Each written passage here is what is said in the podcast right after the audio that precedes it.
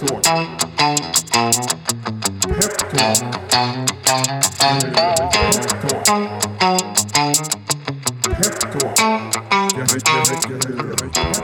Då säger vi varmt välkomna till ännu ett avsnitt av eh, Peptalk, en podcast från Peppins. Jag heter Filip Scholtze och idag har jag med mig en gäst som eh, eh, men vi, förutom att eh, vi har mycket, mycket liksom gemensamt för att eh, det här är en, en kund till Peppins, så har vi också väldigt mycket i våra namn gemensamt insåg vi, eh, både i efternamn och eh, i, i förnamn. Eh, och det här är ju väldigt tacksamt att prata om om man eh, eh, är utsatt för att ha ett namn som, som ingen någonsin klarar av och, eh, och stava.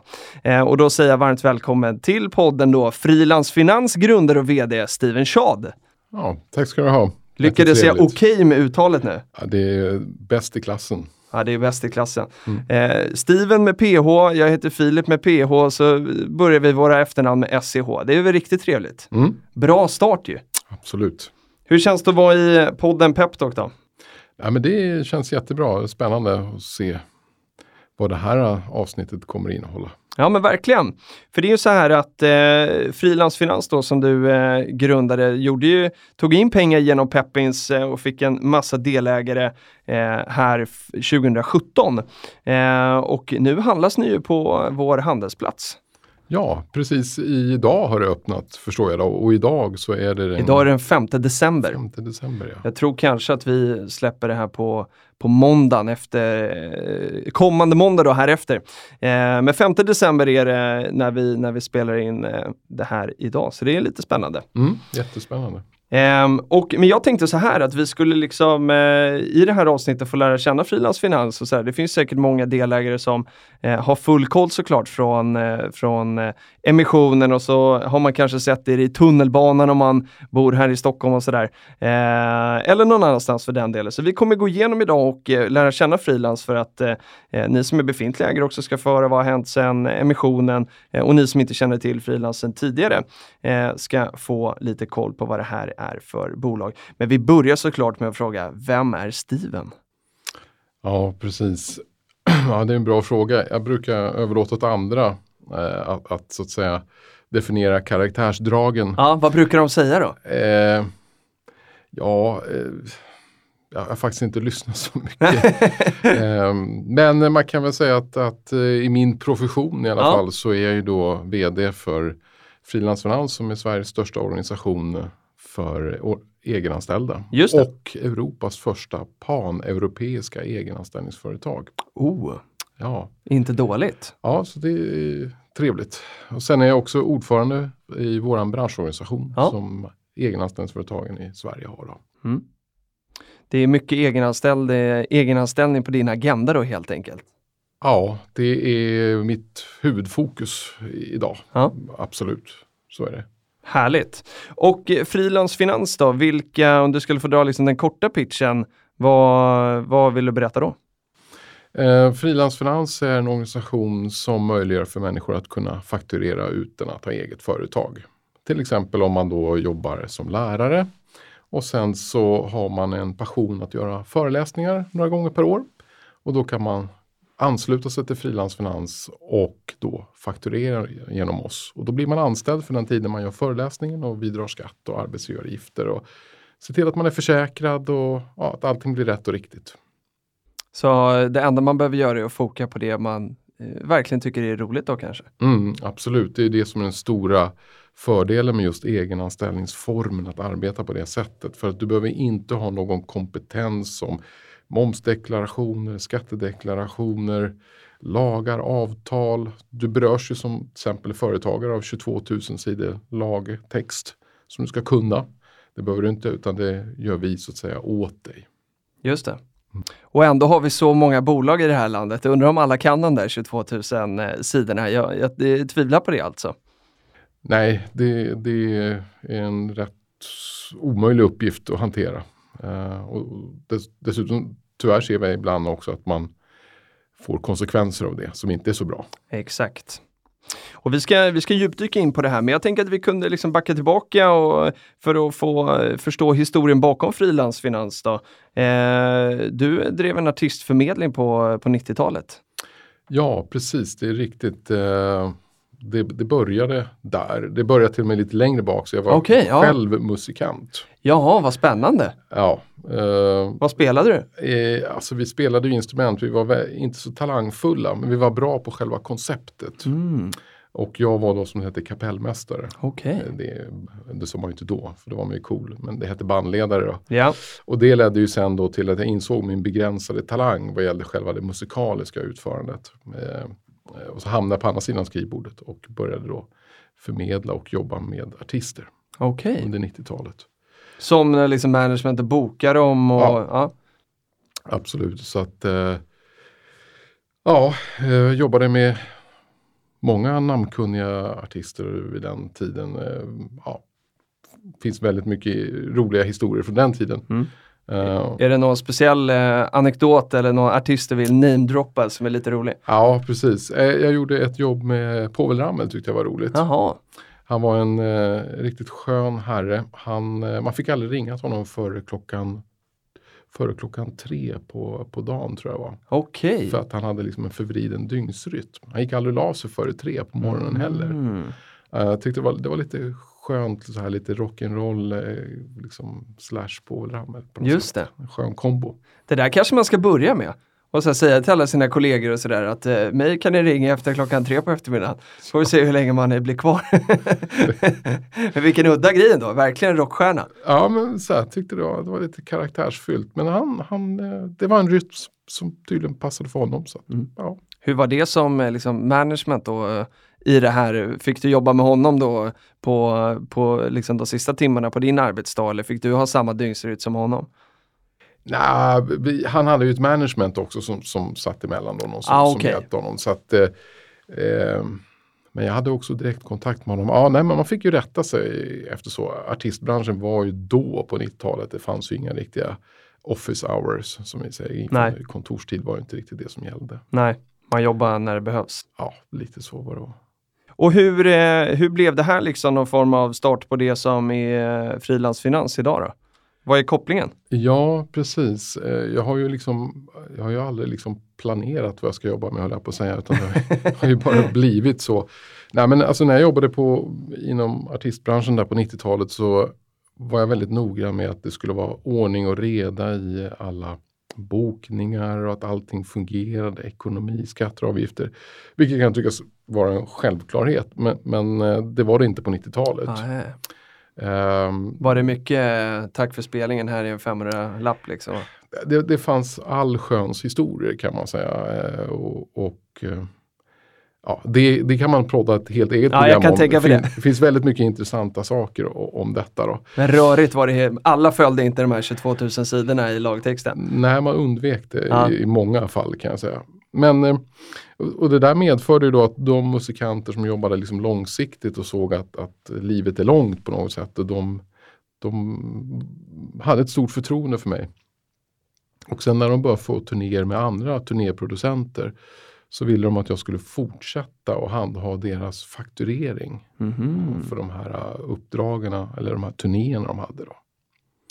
Så att eh, till slut så började det nästan ta över handen. Eh, så att då hade jag alla de här musikanterna då som var mer eller mindre mina vänner får man ju säga. Då. Ja. Så skötte jag liksom då deras faktureringar. Bokade inte dem längre för de fick ju spelningar från massa andra håll och kanter. Mm. Så, att, så, så föddes ju då frilansfinans. Mm. Eh, och, och så, ja. Och, Jobbade du heltid med det här då? Eller? Nej, alltså jag försökte göra både och då. För jag hade Ja. också kvar, jag jobbade också med artistbokningen där. Men, men det var ju ganska svårt därför att inom artistbranschen, på, på i alla fall på 90-talet, så var det så att det var väldigt knutet till ens namn. Okej. Vilket bolag man jobbade på var ganska ointressant utan det var alltid ens Mm. personligen. Och det gjorde ju det att man hade liksom 100% av sin livstid och mer fanns inte att gå till. Ah, jag förstår. Det är liksom motsatsen till det som man pratar som är skalbart idag då. På något sätt.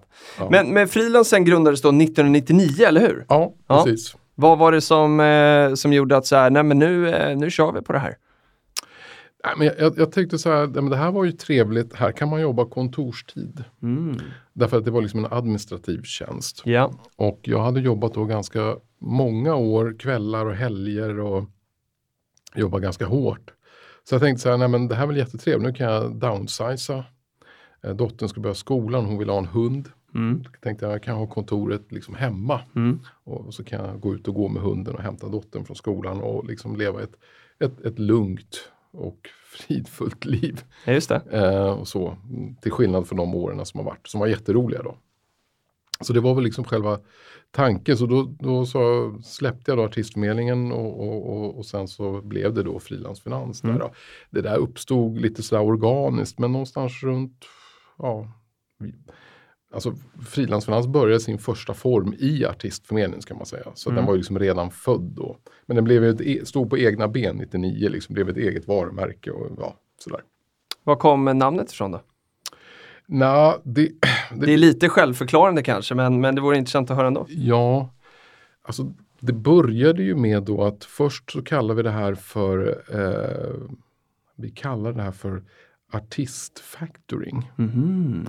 Eh, jag hade ingen aning om vad factoring var men vi tyckte det lät bra och vi jobbade med artister. Och sen så Sen blev det så att de här musikanterna var ju frilans. Och sen så är den här delen i att vi alltid utbetalar pengarna efter fem dagar under förutsättning att man uppfyller alla villkor. Så har vi en finansdel i det. Så, så då blev det ju Alltså ni ligger på krita lite då? Ja, exakt. Och så var det nog också det att de här musikanterna de jobbade också lite grann som skådespelare. Någon av dem. Och, och sen började den skådespelaren känna någon annan skådespelare. Och så var det Mm. filmfotografen och så var det skriptan och så var det kostymören. Och, till slut så hade jag liksom en massa olika typer av frilansyrken, de Mm. traditionella. Så det var nog någonstans där uppstod liksom namnet, det gick från artist till frilans och så var finans med. Just det. Ungefär så Mm. tror jag det var. Och jag nämnde lite här tidigare att eh, om man som jag åker Stockholms tunnelbana hyfsat ofta så ser man ju ibland eh, er, er reklam i tunnelbanan. Mm. Eh, och då är det ju liksom, står frilansfinans och så är det ju som en borg eller någonting i liksom själva loggan. Vad, vad, hur hur liksom ska den symbolisera frilans då? Det är ju en, en bro. Ja, det är en bro! Ja, Okej. det där är, är, och det är ju liksom, Vad bra att jag får svar på det här nu då. ja, det är lite grann av en, eh, det är inte många som faktiskt vet att det är en bro. Ja, vad spännande. Det, Ja. det är såna här anekdoter som är roliga. Ja, Och som man får lära sig i podden Peptalk. Det är ju Mm. perfekt ju. mm. Okej, men så det är en bro eh, mellan då uppdraget och eh, liksom själva faktureringen då på något sätt? ja, så kan man se. Jag förstår. Jag kan också avslöja att det var min bror som ritade den där faktiskt. Aha. I sin första omgång. Ja, Okej, vad roligt. Ja, och den, så den lever än idag. Men kan vi inte försöka liksom skapa någon grej kring den här borgen då? För jag har ju liksom tänkt att så här, ja men det är liksom eh, tryggt och säkert och man vet att man får pengar och Mm. liksom sådär. Eh, så det kanske är en helt okej spin-off då i alla fall. Ja. Jag har en annan rolig historia just angående logotypen för vi gjorde en eh, varumärkesundersökning. Ja, Och i den så kom det fram att det var två som trodde att det föreställde Stockholms stadshus. jaha, Men den har ju bara ett torn. den har bara ett torn. Så det är någon som i så fall har adderat ett till. Exakt, ja men du ser, man, eh, man eh, ser ju olika saker framför sig liksom. Det är olika preferenser. Men vad roligt ändå, det är väl det som är kul med logotyp också, att eh, den säger olika saker till olika, olika Mm. personer. Men det här är bra, för då är man delägare eller ska bli och sitter på tunnelbanan och snackar med sin kompis så kan man ju alltid rätta där och säga nej, jag vet, det där är en bro. Mm. Eh, och 99 då fram till eh, nu nästa år då så är, blir det lite jubileum får man säga då, 20 år. Mm. Eh, om du skulle få berätta om några viktiga milstolpar från liksom 99 och fram till där vi är idag så man förstår resan också lite grann. Eh, vad skulle du vilja lyfta fram då? Ja, jag satt och tittade i så här gamla kort. Man blir- kommer till den åldern att man börjar snart bli nostalgisk. och då hittade jag ett kort som berättade om hur, hur vi jobbade på frilansfinans där någonstans 97 sådär. Mm. Ehm, och då var det helt enkelt så att då ringde musikanterna in från turnébussen. Så, ah, tja, nu ska vi iväg och spela här. Vi är, vi är liksom Dennis, Mikael och så Joel. Mm. Och vi har så här mycket pengar vardera. Då skrev man upp det på ett papper. Och sen så stansade jag in det där sen då liksom. Så, eh, så att någonstans där kring millennieskiftet så gjorde vi vår första webbsida. Mhm. Otroligt innovativt att man har en webbsida. Verkligen. Ja, det, det, det låter helt, det är som att man pratar om tiden innan bilen. Ja men lite så. Ja. Så att det, det var ju naturligtvis en, en stor milstolpe att vi var tidigt ute på nätet. Mm. Eh, och jag är ändå en sån här uh, late adopter eller vad det heter. Ja. Men så vi var det, så det var ju en, en milstolpe där. Sen har det varit väldigt växt väldigt, väldigt mycket organiskt och eh, fram till egentligen någonstans 2010 så, där, så hade jag liksom jag var fortfarande i det här mindset, jag skulle ut och gå med den här hunden liksom, och jobba kontorstider. Mm. Då hade då vi, jag drev ju som enskild firma. Mm. Och då sa revisorn att det här ser inte så bra ut, du har 80 miljoner på, ditt, på din enskilda firma. Det, det, är liksom dags att köra om det till ett aktiebolag.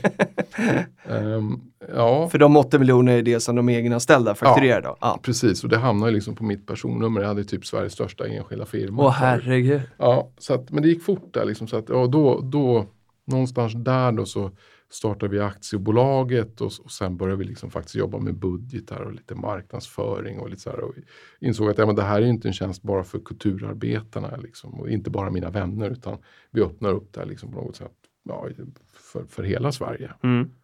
Um, och så.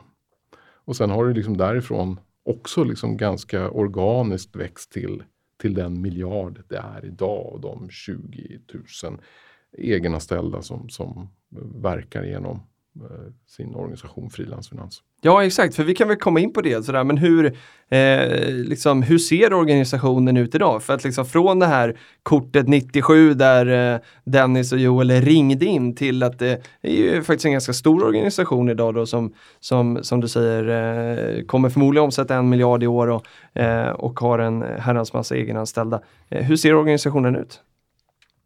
Jo, eh, organisationen då om man pratar om om man pratar om kunskap och kompetens så finns den väl rustad i både vad gäller den finansiella delen, mm. eh, marknadssidan. Det är också en otroligt komplex uppgift idag, den är rustad. Eh, vi har också på vad vi kallar för vår företagssida. Vi har Ja, vi har rustat hela organisationen med kompetens så att vi, vi kommer att klara den här stora resan i, i Europa. Mm. För det är den vi ser framför oss. Nu har vi gjort det här möjligt i Sverige uh, och nu blir nästa steg att göra det här möjligt i Europa också. För alla människor ute i Europa som de ska kunna få samma möjlighet. Mm. Och var, eh, var, var har ni kontor liksom om, om man tycker att Eh, frilans skulle man vilja jobba på. Var sitter ni någonstans? Vi sitter då i Stockholm ja. eh, och vi har också ett kontor i Uppsala mm. där vi en gång i tiden började. Vi har kontor i Norge och sen har vi vårt internationella klientstödsteam eller vad vi ska kalla vårt internationella team. Ska mm. säga. Det sitter i, i något som heter Code Cagne som ligger i Frankrike.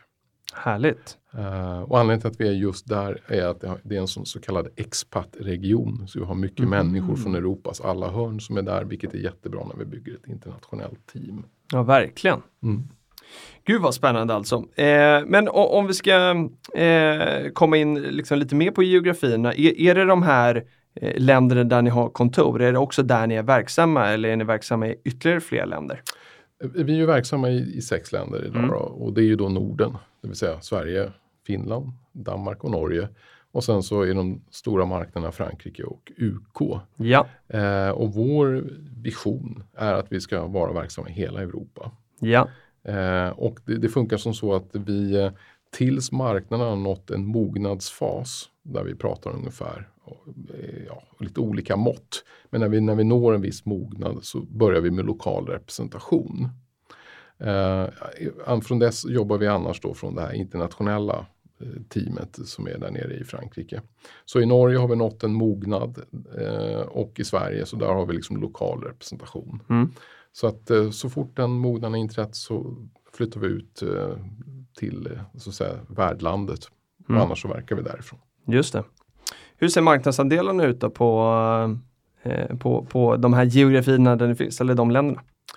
Ja, eh, i Sverige så är vi ju ledande och vi är ledande i Norden. Mm. Nordens största egenanställningsföretag. Hur många procent har man då? Eh, I Sverige har vi ungefär 65 procent av marknaden. Det är väldigt stort då? Ja. Det är större än eh, ICA på matvarusidan. Om man bara ska ha en, eh, sen är den marknaden lite större visserligen, mm. men, men eh, bara för att sätta det i relation till någonting. Då. Mm. Och framförallt tycker jag det är att för oss är liksom marknadsandelen är viktigast på så sätt att den visar att vi får förtroendet ja. från de egenanställda att de tycker att vi gör det bra. Mm. Eh, vi har ett stort ansvar att hantera det som de ger till oss. Då. Ja, men för det var faktiskt min nästa fråga också. Sådär. Vad, vad, vad är det ni levererar? Alltså, och varför är förtroendet så viktigt i det? Vad, vad, vad, får man om jag är den här personen då som Mm. vill eh, fakturera någonting som jag gör då och då, eller alltid? Eh, vad får jag av er? Nej, men ma- man får ju då en, man kan kalla det liksom egentligen en, en partner Mm. helt enkelt som ser till och har, att har en, ett ansvarstagande för dig genom hela ditt arbete. Vi ser till alltså de hygienfaktorerna som att skatt och arbetsgivaravgifter ska naturligtvis inbetalas och redovisas på korrekt sätt. Mm. Men vi ser också till och titt, hjälper dig att reflektera över arbetsvillkor till exempel. Det är viktigt. Eh, för vi, vi i vår organisation har uttalat att vi ska jobba både med ekonomisk, eh, social och ekologisk hållbarhet. Okej. Och, och därför är det viktigt att, att du, den som jobbar via oss, den som är ägaranställd via oss, får också hjälp med att, att ha funderingar kring de här frågorna. Att det är, man jobbar för schyssta villkor och att man har bra förutsättningar. Vi, vi hjälper till med, med kompetensfrågor Mhm. och vi har massa olika specialister. Så att man kan säga att du får ett helt, du, du får resurser motsvarande det stora företaget för den, den lilla pengen. Kan man Just säga. det. Mm. Och eh, vad, vad, kostar ett sånt här kalas då? Är det, betalar man en summa så får man alla de här tjänsterna eller är det, får man liksom plocka på det man vill ha? Nej, det är ju det som är så fint med den här organisationen då i och med att vi är en så kallad, eh, vi är ett så kallat delningsföretag. Så att för sina 6% som man då betalar utav fakturavärdet så får man allting. Okej. Därför att i den här organisationen så är vi ju då 21 000 människor ungefär. Och det är vår gemensamma kraft som, som gör att, att vi kan ha de här resurserna och som alla kan få ta del av i den mån de behöver dem. Mm. Och finns det någon liksom gräns för mig hur mycket jag ska fakturera eller är det jag som, som dealar med min kund och den som ska faktureras eh, hur mycket det ska vara så säger jag bara till er att eh, här ska ni fakturera 10 000 kronor. Ja, som egenanställd så får du då rätten att upphandla om uppdrag Mm. enligt då de ramar som, som vår organisation sätter upp. Ehm, så, att, så att svar ja, du kan själv sätta priset som du vill fakturera. Mm. Eh, vi kan också hjälpa dig med reklamationer om du skulle behöva det. Ah, Och, okej. och vi tittar också på att inte du går för lågt. Så att säga. För vi vill inte att någon ska jobba Ah. för, för utan det ska vara liksom marknadsmässigt så. Så att om jag får en fråga från någon som säger att eh, skulle inte du kunna göra det här och jag har ingen aning om vad jag ska ta betalt så kan jag få lite råd från er då? Ja, absolut. Okej. Vi har en HR-avdelning hos oss som kan hjälpa till med den typen av frågor. Mm. Och har man eh, över 20 000 egenanställda så, så finns det några att jämföra med också som Mm. kanske då eh, liksom gör, gör samma saker. Och om vi ska gå in på det, vad, vad är det de flesta, vad är det för typer av uppdrag som, som, som, som passar? Man kan väl säga som så att eh, det, det, det intressanta är att vi ser att det här är ju, vi är ju en del i att skapa den nya moderna arbetsmarknaden. Arbetsmarknaden förändras i grunden just när vi står här Mm. kan man säga. Så det roliga är ju då att, att den här formen egenanställd passar nästan för allt och alla. Ja, Och vi ser att det kommer inom alla sektorer. Det finns inom vård och omsorg, det finns inom bygg, det finns inom Ja, det finns inom alla yrken mer eller mindre. mm. Jord och skogsbruk, eh, vanliga tjänsteyrken. Okej, så att det behöver inte vara alltså just de här typiska frilansyrkena som vi tänker inom medie, artisteri och Mm. det, är inte, det är inte så det ser ut helt enkelt. Nej, utan vi har massa olika tekniska konsulter, eh, det finns sjuksköterskor, det finns läkare, det finns ja, det, allting. Just det. Ehm, utan det är ju, det, har man ett uppdrag eh, så är det här eh, en, en, en utmärkt form. Den är också ganska låg kostnad därför att man får ju då, i och med att vår organisationsavgift är 6 och resten får man liksom behålla som löneutrymme. Och till exempel jämfört med att gå via ett bemanningsföretag där de då säkerligen har ett väsentligt högre påslag så blir det här mycket mera över Ja, dig. just det. Just det. Därför att bemanningsföretagen någonstans ligger mellan 15 och 25 procent. Ah. Skulle jag tro. Och då blir det också billigare för bolaget som, som tar in mig sig då. Eller så fakturerar du samma belopp och behåller mer själv. Smart, Mm. bra, sånt här gillar vi. Mm. Mer över till mig, det, det, det är ju toppen alltså. Ja. Eh, och, och om vi ska kolla på lite så här, eh, för andra saker som jag eh, uppfattar i alla fall som, som eh, den yngre generationen tycker är väldigt viktigt, det är liksom trygghet. Mm. Så här, ja men eh, man vill eh, ha sin tjänstepension och man vill känna sig trygg i det ena och, eh, och det andra som ofta kommer med en anställning. Eh, hur funkar det att se med liksom, försäkringar eh, med arbetsplatsolycka eller till och från jobb och tjänstepension och sådär? Mm. Nej, det är en jätteviktig fråga. Eh, pensionsfrågan, vad ska vi säga så att trygghet har många olika dimensioner. Kan man säga Verkligen. då. Eh, tryggheten brukar man prata om vid tillsvidareanställning är någonstans så att man vet att man har en, en stadig inkomst över tiden. Det nya på dagens arbetsmarknad är att man ser att företag, till och med stora företag kan ganska hastigt försvinna. Mm. Ehm, Så det finns, man, finns de som argumenterar för att den sanna tryggheten är att vara anställningsbar och ha en kompetens som är efterfrågad. Mhm. Och det skulle då, Alltså inte att vara anställd. Eller alltså, skillnaden med att vara anställningsbar och anställd då egentligen? ja att, att, att vara anställningsbar handlar väl om att man har en kompetens som är Ja, efterfrågad av Ja. arbetsmarknaden. Och för att ha den där då, den här kompetensen så handlar det väldigt mycket om att kontinuerligt vidareutveckla sig. Och det är väl det som är faran när man jobbar på ett, ett, ett, ett företag och gör samma sak under många år. Helt plötsligt försvinner det företaget. Ja. Då måste man ställa om sig och, ja, och så vidare.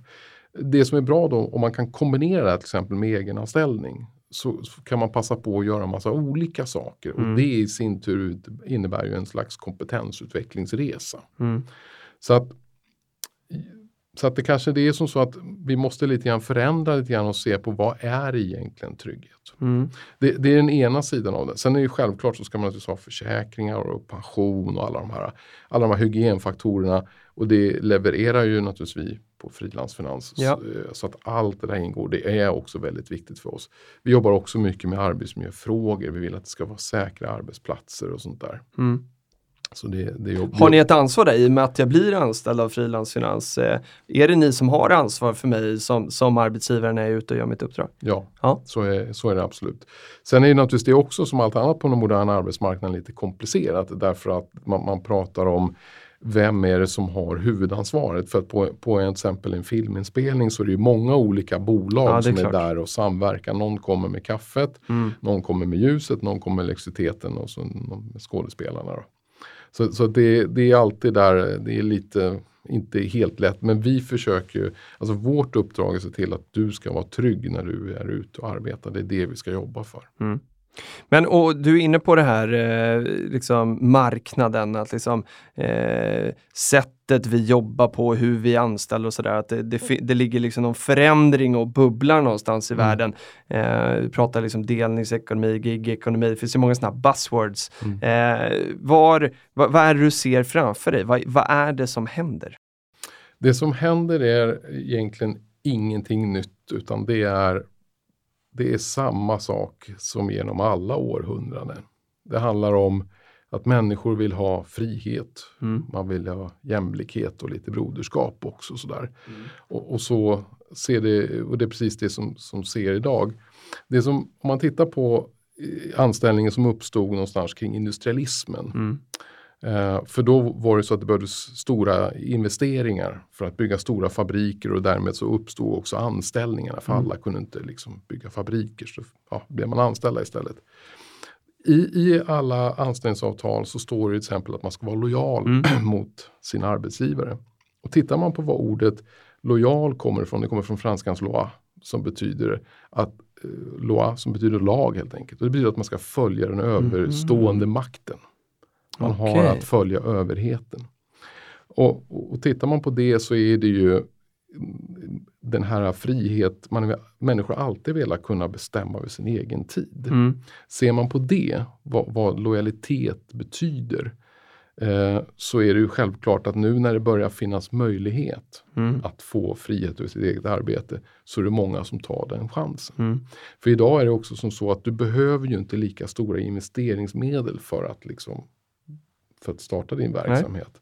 Är du AD så kan du köpa relativt billiga eh, den mjukvara som behövs för att Mm. kunna verka som AD. Så varför ge bort eh, den stora övervärdet på din arbetade timme till en arbetsgivare om du själv kan behålla en större del. Plus att du får själv planera din egen tid och när du ska, hur och var när du ska arbeta. Exakt. Finns det liksom eh, i det här något, eh, eh, för det vet jag väl är så här, om man startar eget och är konsult så, så måste man ha liksom flera uppdragsgivare. Det, den problematiken kommer man väl runt i det här fallet? Ja, nej, den, den problemet finns inte. Nej. Så om vi går in på liksom så här, vem, vem, vem är den typiska egenanställde? Alltså hur, har ni gjort någon sån typperson bland alla era egenanställda? Så här, vem, vem, hur, hur ser den ut? Ja, jo, vi har tittat på det. Och man kan väl säga som så att vi ser tre stycken grupper. Mm. Eh, vi har den stora gruppen som är då mellan 25 och 44 år. Det är 60% män cirka och 40% kvinnor, vilket är glädjande. Mm. Därför att man ser när man tittar på andelen som startar eh, män och kvinnor som startar företag så ser det lite annorlunda ut. Där är mer män. Yes, Eh, så det här är bra ur ett jämställdhetsperspektiv. verkligen. Eh, och sen så, och det är en, det är en stor grupp Ehm, och de är oftast kombinatörer. Man har något jobb vid sidan om eller flera jobb vid sidan om och så tar man det här mm, egenanställning då som ett, något tredje man pysslar med eller något Mm. annat. Eh, vi har också en, en växande grupp pensionärer Okej. Som har klivit av arbetslivet men vill vara kvar och bidra med under sina förutsättningar med, med så mycket tid som de orkar, kan och vill. Mhm. Så det är en stor växande grupp egenanställda hos oss. Sen har vi också ett antal eh, unga människor som har det här som ett insteg in i arbetsmarknaden. Ja, Och det här är inom alla yrken.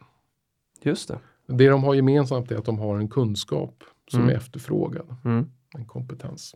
Hur många är det som är, finns det någon som, som egenanställd liksom på heltid eller har man ofta det här som någonting vid sidan om eller som en del av någonting annat?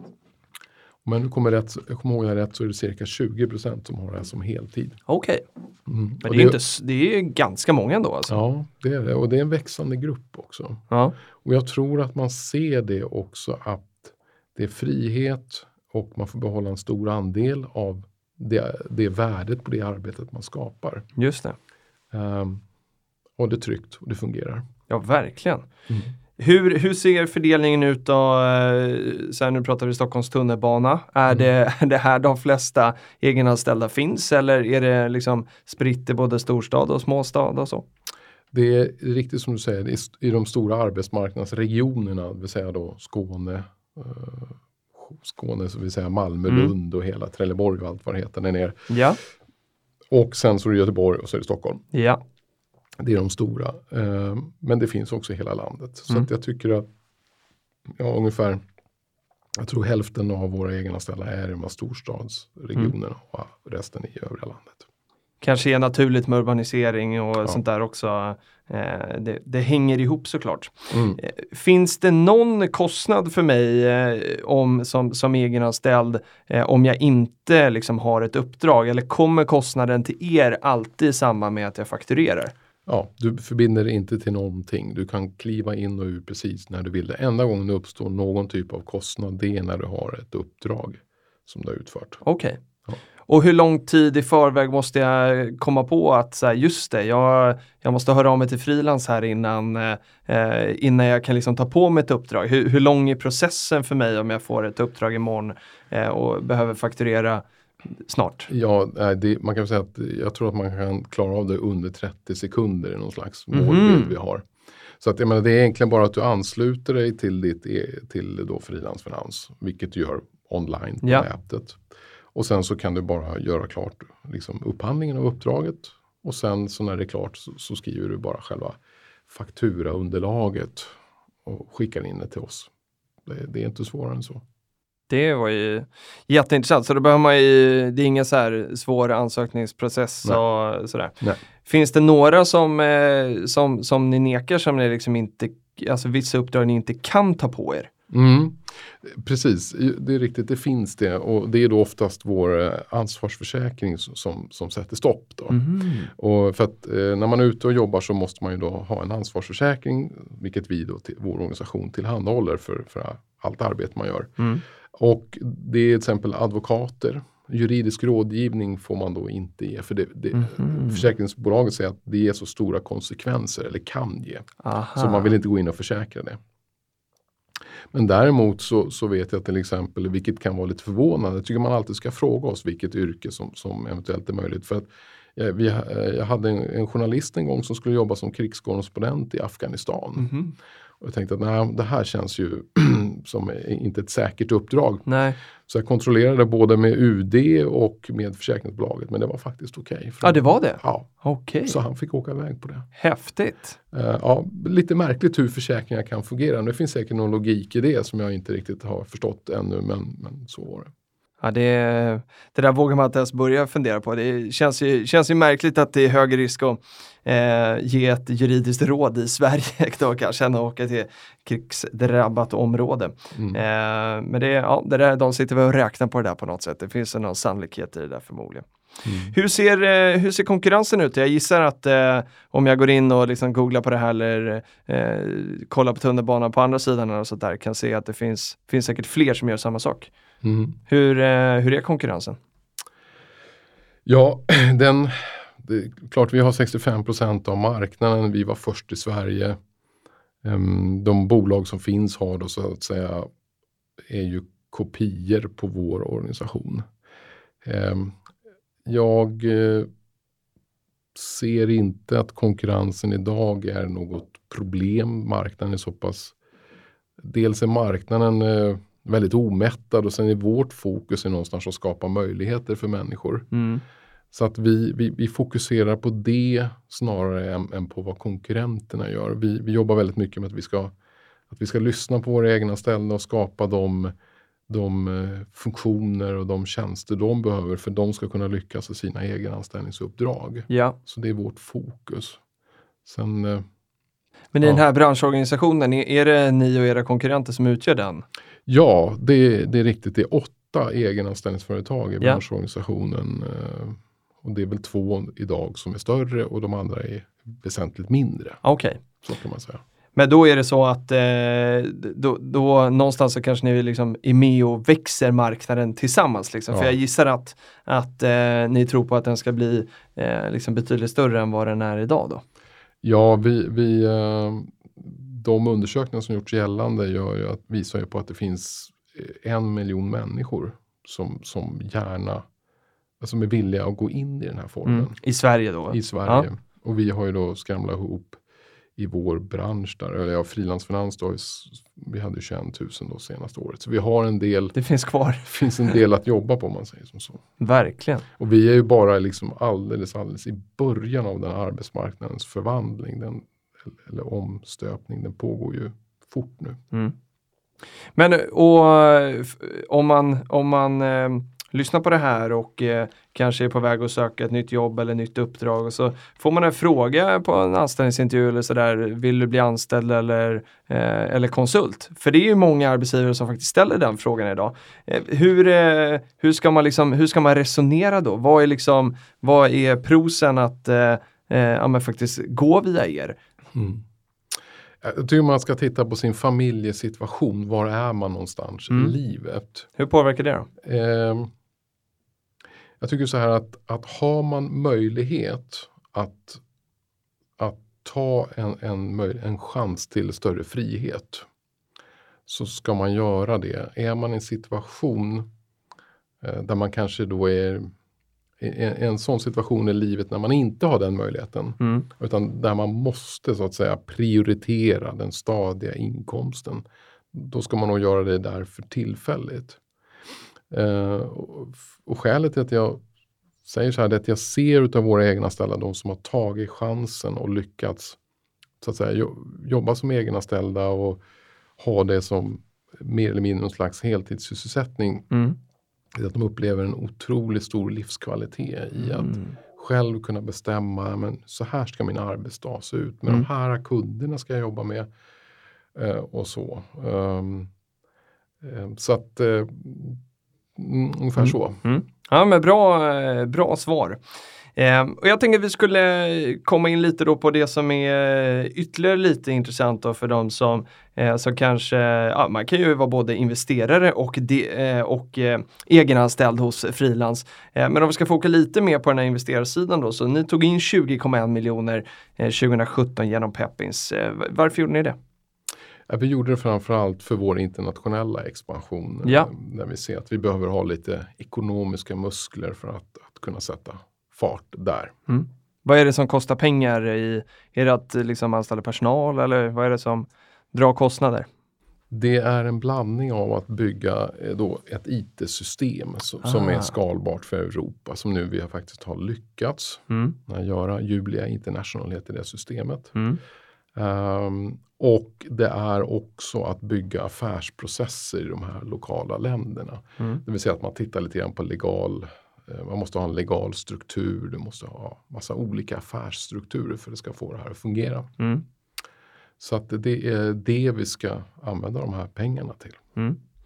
Och eh, nu har det inte gått jättelång tid sedan emissionen, det, det är dryga året här, men, men om du skulle få berätta lite vad som har hänt sedan dess, om man investerade då och sen eh, har legat under en sten sedan dess, eh, mm. vad, vad vill du att man ska liksom, veta om eh, det här dryga året som har gått? Ja, alltså det absolut viktigaste, och vi talade om milstolpar tidigare, mm. det är då att är vår internationella plattform, att den är nu lanserad, det gjorde vi i juni. Mm. Uh, och den gör att det finns obegränsade möjligheter för oss att ta oss ut i Europa. Okej. Okay. Och den är lanserad, den är också visat så kallad proof of concept. Det fungerar. Ja. Uh, och nu har vi då under hösten byggt affärsstrukturerna för, för de här länderna som, in, som är då Finland, Danmark, eh, UK UK, alltså mm. England och Frankrike. Mm. Så att nu så är det liksom sista pusselbiten. Så nu kommer vi då i Q1 2019 så kommer vi gå vad vi kallar för då, vi kommer ha vi kommer gå live med de här sajterna. Så 2019 blir det året som kommer bli otroligt spännande där vi kommer se hur vårt erbjudande kommer tas emot där. Mm. Och då kommer vi trycka lite grann på marknadsföringsapparaten, sätta igång den och lite sånt där. Så att då det är då vi ska se vad det här tar vägen. Mm. Det är väldigt spännande. Och du pratar om att rulla ut det liksom i hela Europa. Är mm. det hur många, eller så här, är det svårt, även om man har den tekniska plattformen, är det, är det svårt att rulla ut allt i alla länder liksom samtidigt? Behöver man ta några länder i taget? Jag tror att det beror lite grann på. Just nu gör vi så att nu tar vi, i, i, vi tar tre länder åt gången kan mm. man säga ungefär. Eh, de här länderna kan samverka, man har ungefär samma utmaningar i varje land. Det är möjligt att vi kan öka på takten ytterligare sen. Eh, vi, vi, vi jobbar ju så, så, att säga evolutionärt eller agilt som mm. det så vackert heter. Eh, där vi liksom tar och går steg för steg och sen så utvärderar vi varje steg mm. och sen innan vi tar vidare. Um, Möjligtvis så vi kan öka takten ytterligare. Vi, mm. vi får väl se lite grann. Ja, det, det, det märker vi framåt. Eh, du nämner eh, UK här eh, flera gånger. Hur påverkar eh, Brexit? Brexit beroende på hur nu det blir. Ja, om det, det vet vi inte. Men. Om det blir ett magplask eller vad det, Exakt. eller vad det nu blir. Den här hårda eller mjuka Brexit ja, som alla precis. pratar om. Ja. Ja. Eh, magplask, är det hårt eller mjukt? Det kan man fundera på. men nej, men det, det, det kommer nog gynna oss. Okej, okay. ja. utveckla. Ja, därför att allting som är jobbigt i form av olika procedurer, för då måste du ansöka om arbetstillstånd och ena med det mm. andra i UK. Och det är lite vår specialitet att hantera administrativa bördor. Just så när det. de murarna eller de bördorna går upp mm. så behöver man än mer hjälp av en part eller en organisation som Frilansfinans för att det överhuvudtaget ens ska vara möjligt. Och London är ju en av våra större städer brukar man ju säga med ja. tanke på alla utlandssvenskar som, som bor där. Exakt. Mm. Det firas jul, det finns alltså sådana här London-svenska, det finns ju många olika, olika städer. Men, men, men just i Hyde Park tror jag att det är lite sådana här, det finns ju massa sådana mm. traditioner.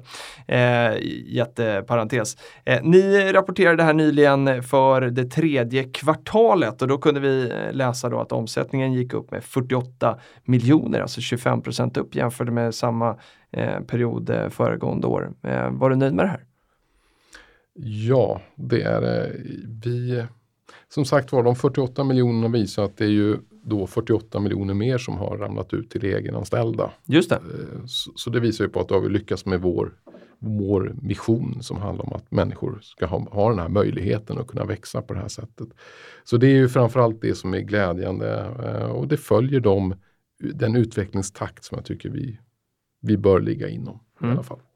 Och den här miljarden då som eh, man kunde läsa i ditt vd-ord. Man kan ju gå in i Stakeholders Club eh, och trycka på frilansfinans och så kan man liksom eh, så kan man läsa er rapportering löpande.